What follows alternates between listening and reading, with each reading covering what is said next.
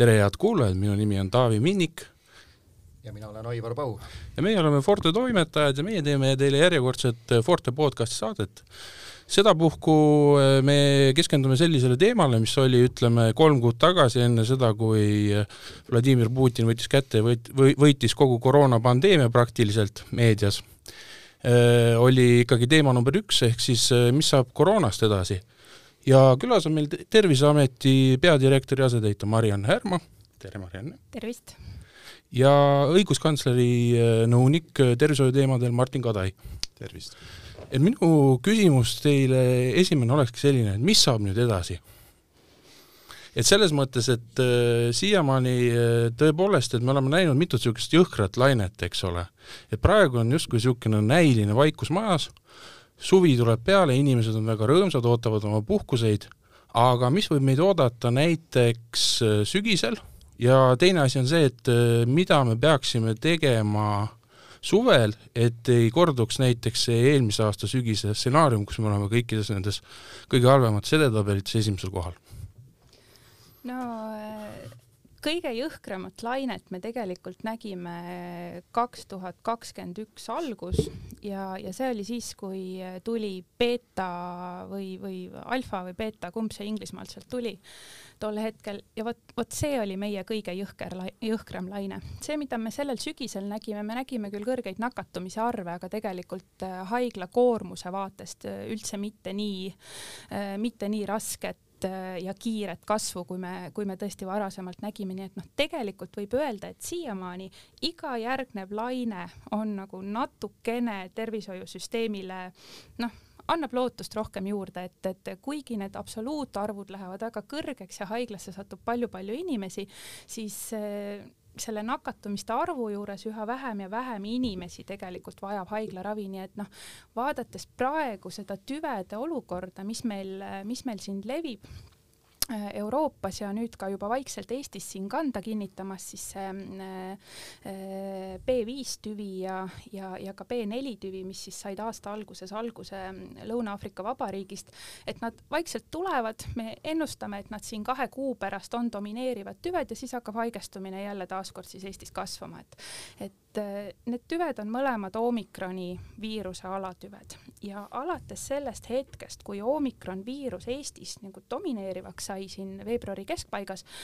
oli iga nädal natukene vähem ko raske Covidiga äh, haiglasse sattujate see osakaal oli väiksem, et selles mõttes, kui me nüüd oleme kindlad, et meil sügisel ikkagi oomikron tüvi äh, või siis oomikroni tüve mingisugused alammutatsioonid levivad, siis me võime ka oodata, et see raskelt haigestumise osakaal jääb väiksemaks. aga noh, paratamatu on see, et nakatumisi tuleb ikka, et selle eest me kahjuks äh, praegu, praegu põgeneda veel ei saa. mille arvel, ja mille arvelt see, see järgmine laine ja teie hinnangul võiks nagu, nagu nõrgem või vaiksem tulla, et kas seetõttu, et me oleme nii hästi palju nüüd vaktsineeritud tänaseks päevaks või läbi põdenud, et meil on tekkinud antikehasid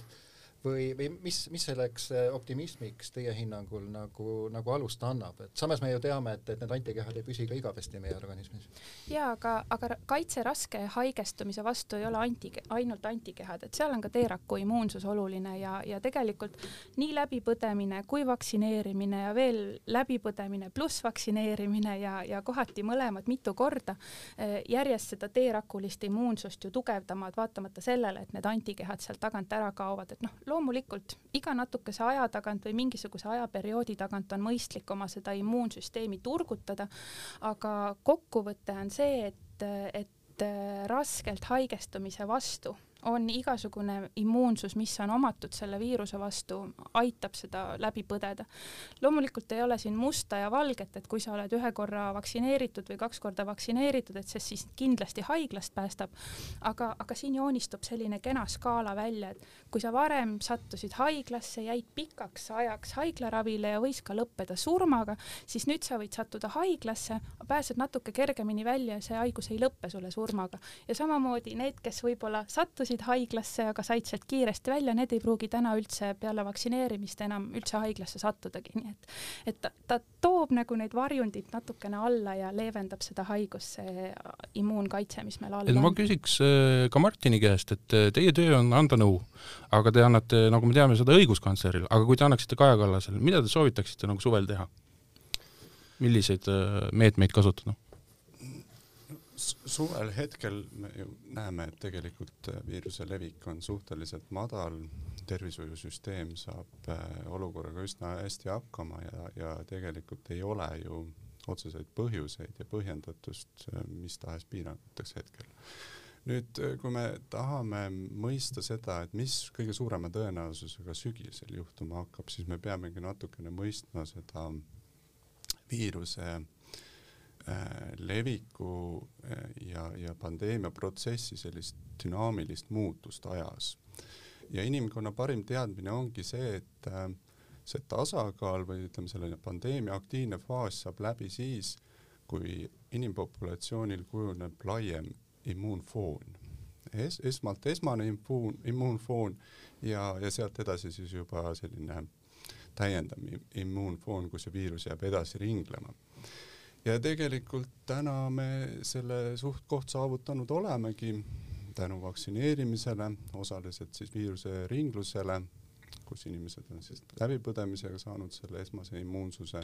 või siis ka juba teise immuun, teisese immuunsuse, kus inimene on vaktsineeritud, kuid hiljem põdenud või, või vastupidi, on põdenud ja hiljem otsustanud veel täiendavalt vaktsineerida, et need inimesed täna eelduslikult on kõige paremini kaitstud selle viirusnakkuse suhtes nii et äh, täna me kõige suurema tõenäosusega saame eeldada seda, et see tasakaalupunkt on, on saavutatud äh,, kuna see viirus on näidanud võimet immuunsuse eest äh, vaikselt ja vaikselt, kuid järjekirjalt ära põgeneda või, või seda immuunsust, eelnevat immuunsust vältida, siis me peame arvestama sellega, et see viiruse ringlus jätkub mis tähendab, et näeme edaspidi haigestumisi, näeme edaspidi ka haiglaravivajadust ja vältimatu on ka see, et äh, mõned inimesed selle viiruseinfektsiooni tõttu surevad. nii et äh, see protsess on paraku olnud kogu aeg, inimesed ja viirusnakkused on kogu aeg koos eksisteerinud, aga täna nagu parim teadmine ja suurim tõenäosus on see, et me saame pidada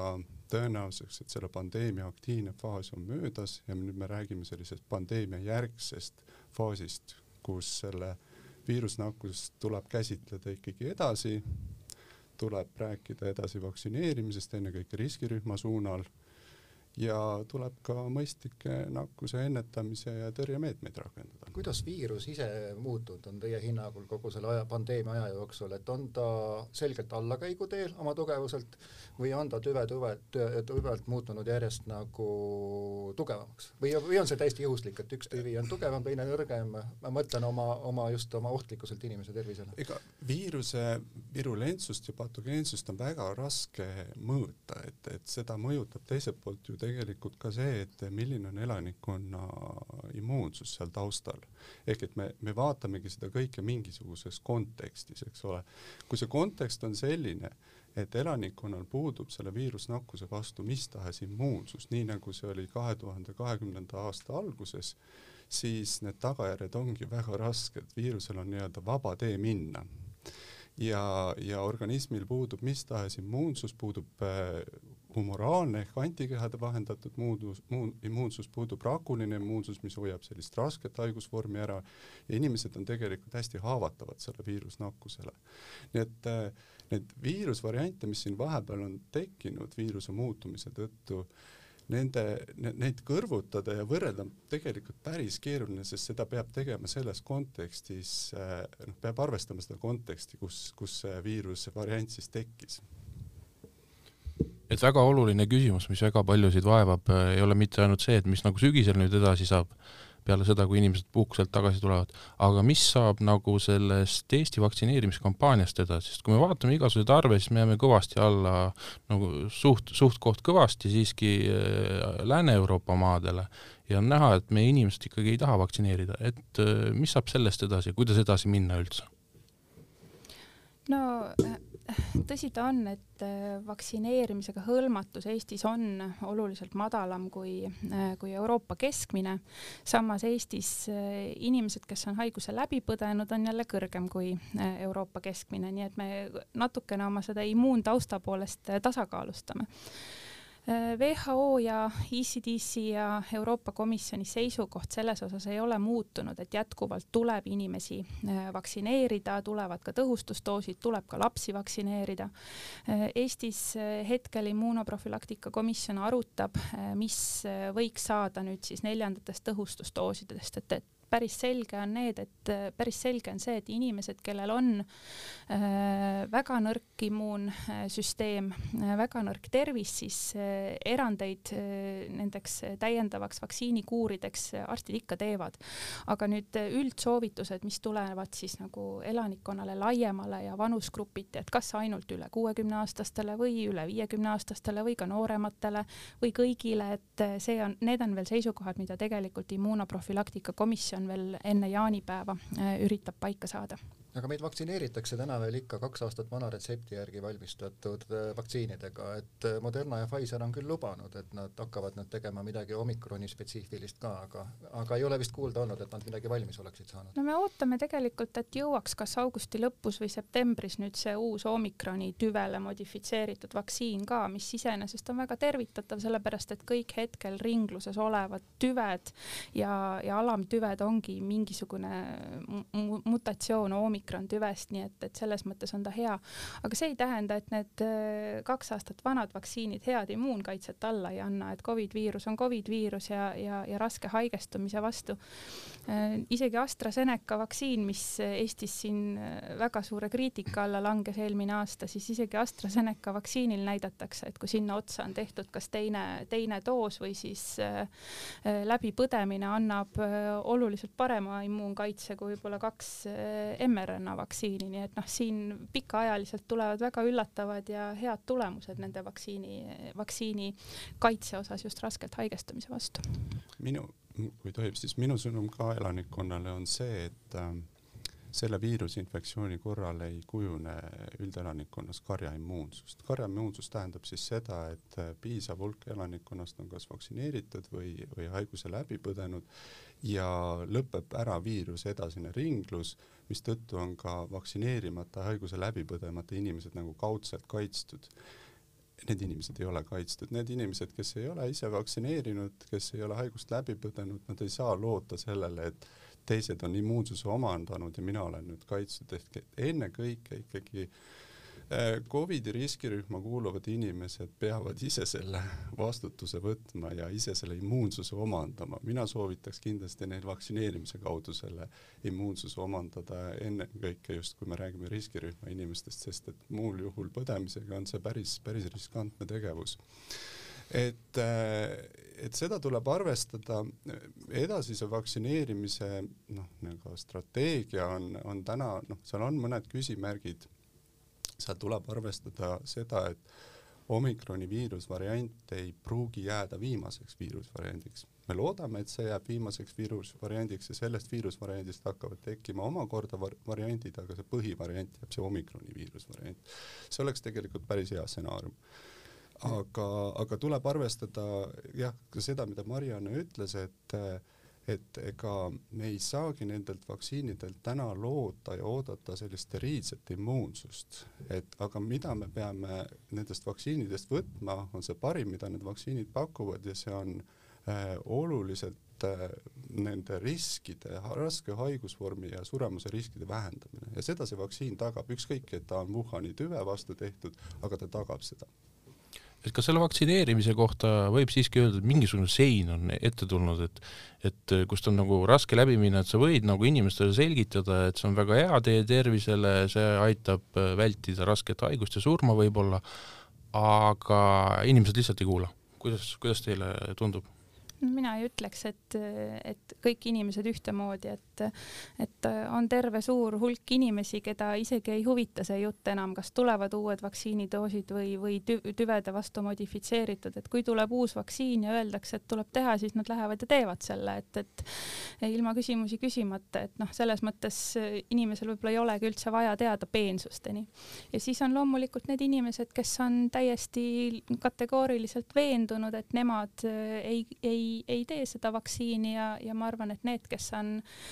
läbi lõhki veendunud, et, et, et nemad seda ei tee, siis, siis ega siin ei olegi väga palju ju jõuga kangutama minna. Tallinna halduskohus äh, sel nädalal otsustas esimest korda, et, äh, et pandeemiaaegsed piirangud äh, võisid, mis, mida, mida valitsuses kehtestas, et need võisid vähemalt osaliselt olla põhiseadusega vastuolus. et et äh, Martin Kade, Kadajat, õiguskantsler, asus seda kohtuotsust ka kiitma ja märkis muuhulgas, et äh, nakkushaiguste ennetamise ja tõrje seadusel on üsna mitu häda. Ja ühena neist äh, ei ole selles siis kahjuks selgelt ja konkreetselt öeldud, missuguseid piiranguid tohib üldse ühe teise või, või teise haiguse puhul kehtestada, et kuidas on üldse nagu seaduses üldse võimalik nagu ette, ette ära määrata seda, et, et kuidas, milliseid piiranguid tuleks ühe või teise haiguse puhul äh, kehtestada, me ei tea ju, milliseid, noh, kõik, kõik haigused võivad olla väga erinevad. Seadusest saab ja peab paika panema sellise üldkontseptsiooni ja raami. Ja täna kahjuks nakkushaiguste ennetamise tõrje seadus, mis on siis äh, vastu võetud kahe tuhande kolmandal aastal, seda on vahepeal küll muudetud, aga ta ei ole piisavalt kaasaegne seda näitab juba seaduse terminoloogia. Ja, ja see nende pidevate muutuste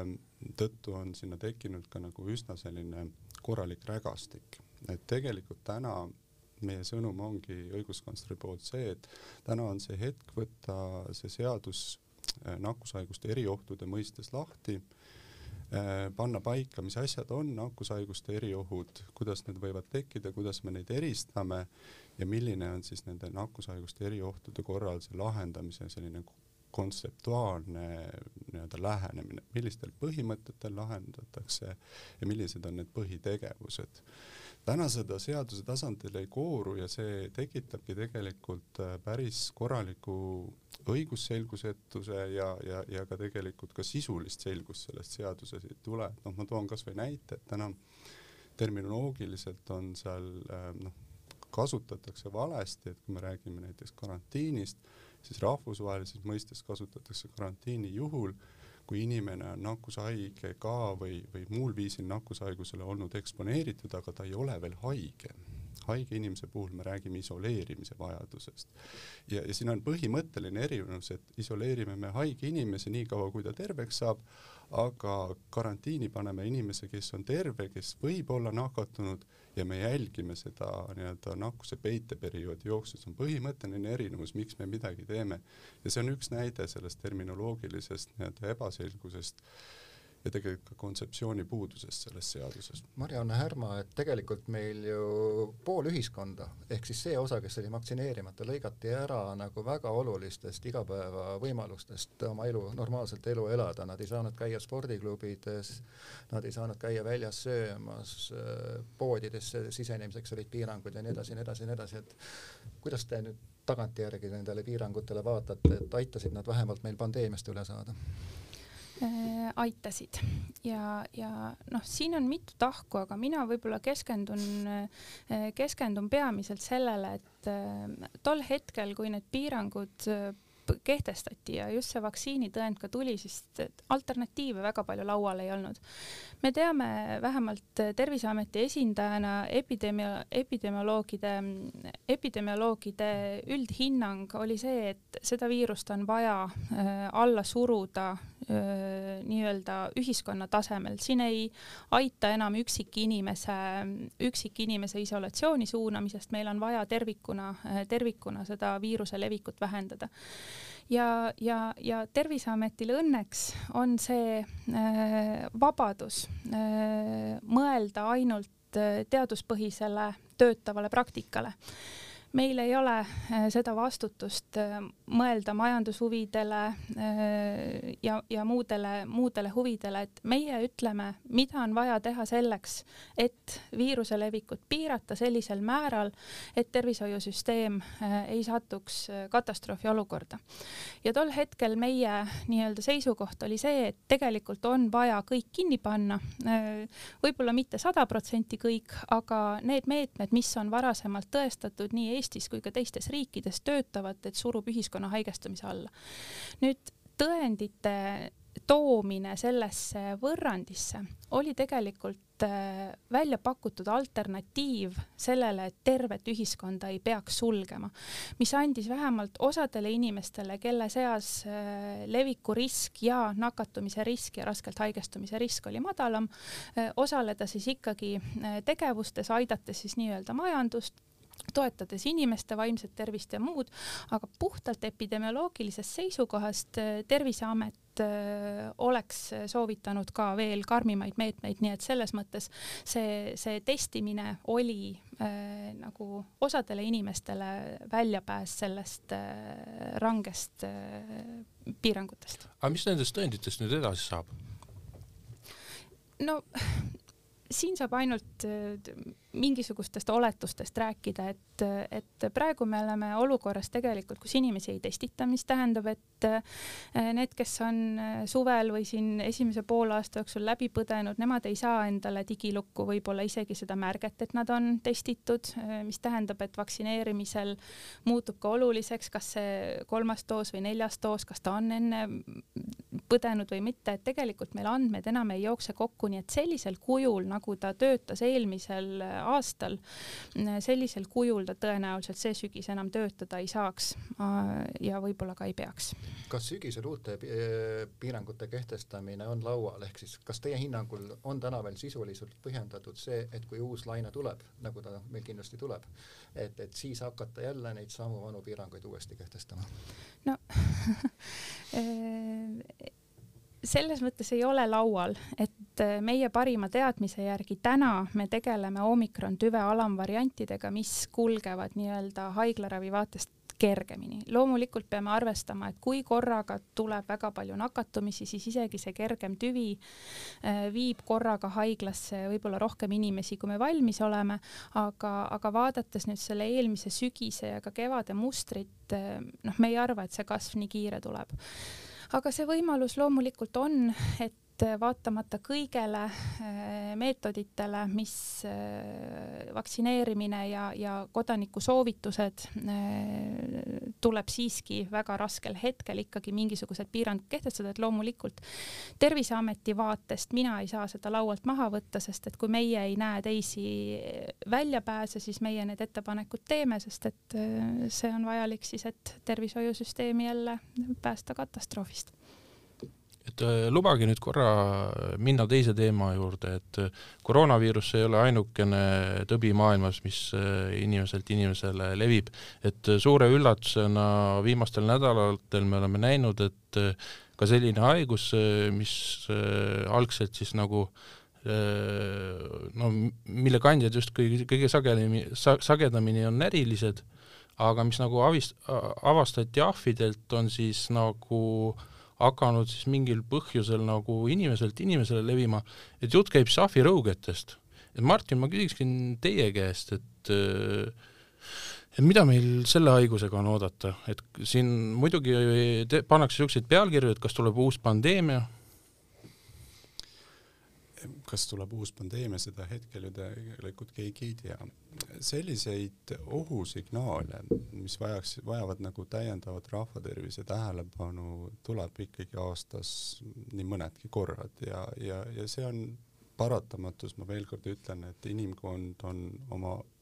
eksistentsist alates eksisteerinud siin maailmamunal koos erinevate nakkushaigustega ja see jätkub ja see kestab täna et ähm, see ilming või ütleme, see sündmus on iseenesest päris huvitav ja, ja siin on päris mitu sellist äh, tähelepanuväärset kohta, võib-olla üks nendest on see, et miks see, miks see tänane ahvirõugete levik on, on erakordne või, või teistsugune, on see, et äh, siin on tõenäoline inimeselt inimesele levik väljaspool nüüd neid endeemilisi piirkondi ehk siis Aafrika, Lääne-Aafrika, Kesk-Aafrika, kus need tavaliselt need äh, juhtumid on olnud ja need on seostatud siis loomalt inimesele viiruse levikuga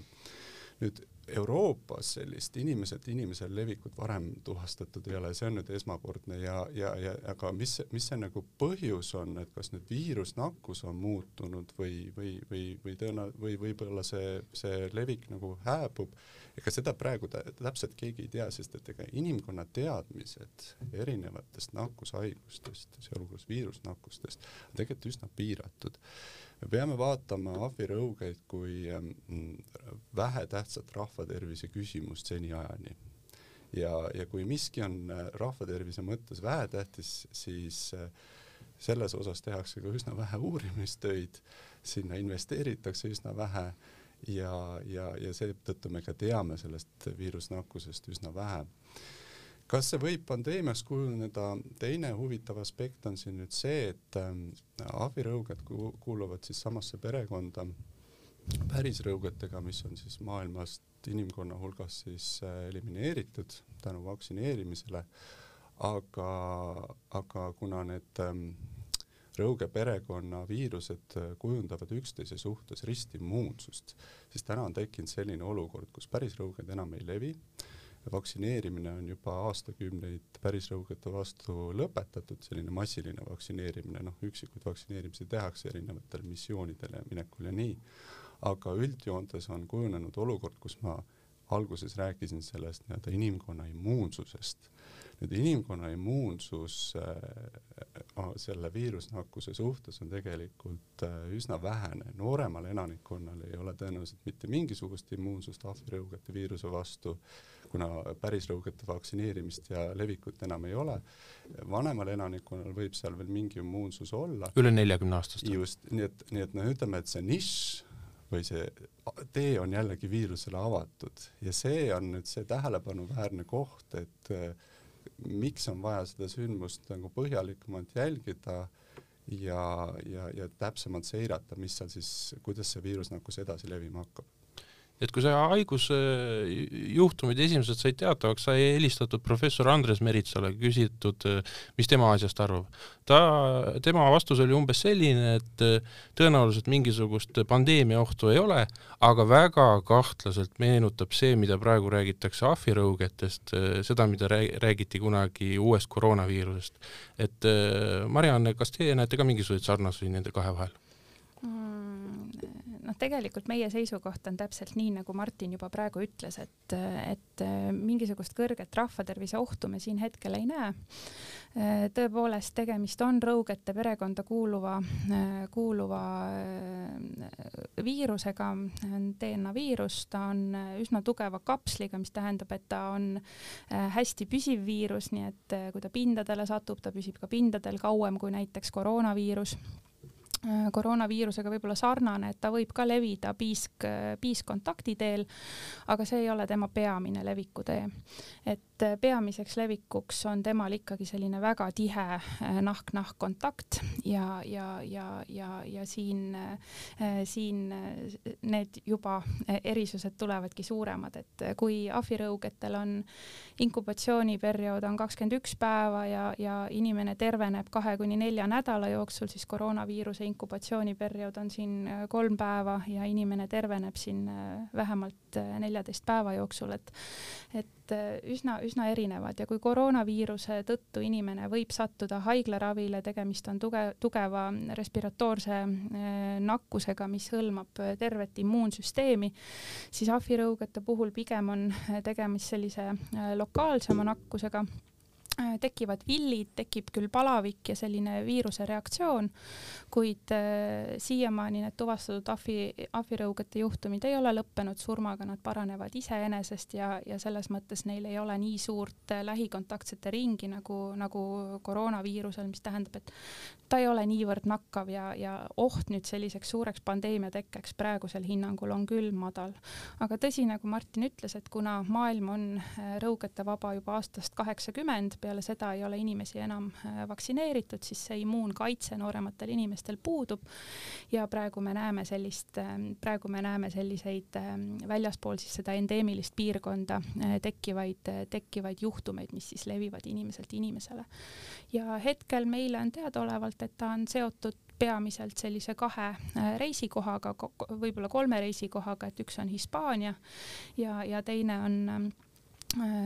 Belgia ja, ja, ja sealt on siis äh, neid nakatumisi niimoodi siin üle Euroopa praegu laiali toodud. aga millest võib olla tingitud see, et nii WHO kui Terviseamet on öelnud, et seda haigust levitavad peamiselt mehed? no sellepärast, et praegu, kui, praegu, kui me noh, need haigusjuhud, mida on hetkel tuvastatud, need on peamiselt mehed ja nooremad mehed. et äh, siin tegelikult äh, arvatakse ja see on, arvatakse, et äh, levib ta oluliselt laiemalt, kui ta praegu on tuvastatud, et äh, natukene on teda seostatud stigmaga, mis tähendab, et inimesed võib-olla pigem ei lähe sellest teatama ja, ja, ja, ja aga teda on tuvastatud ka naistel. hetkel peetakse teda nagu ohtlikumaks just rasedatele naistele, lastele ja nõrga immuunsüsteemiga inimestele, aga, aga miks jah, just nooremad mehed, et ka need reisi sihtkohad, need on peamiselt seostatud praegu just sellise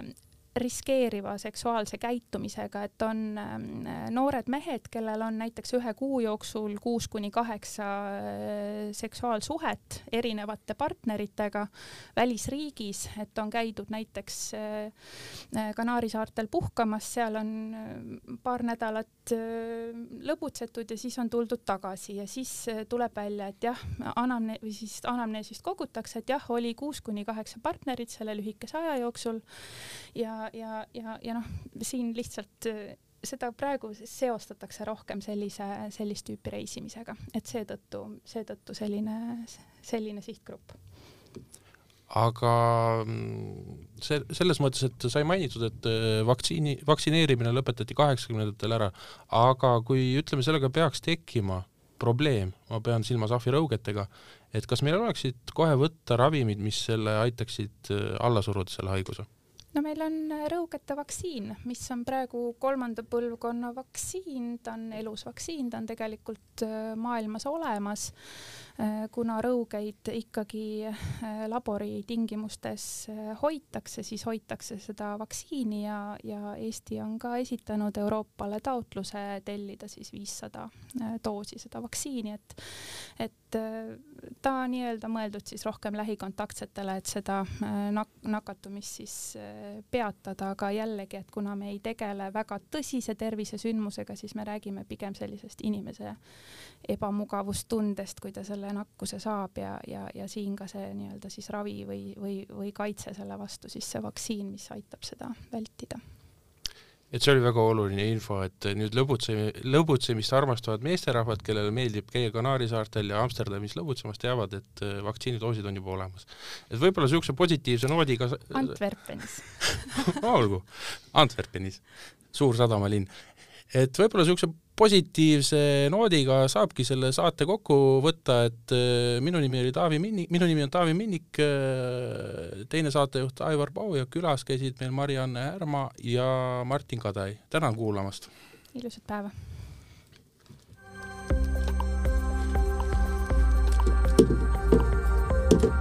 tead, mis meil juhtus või? eile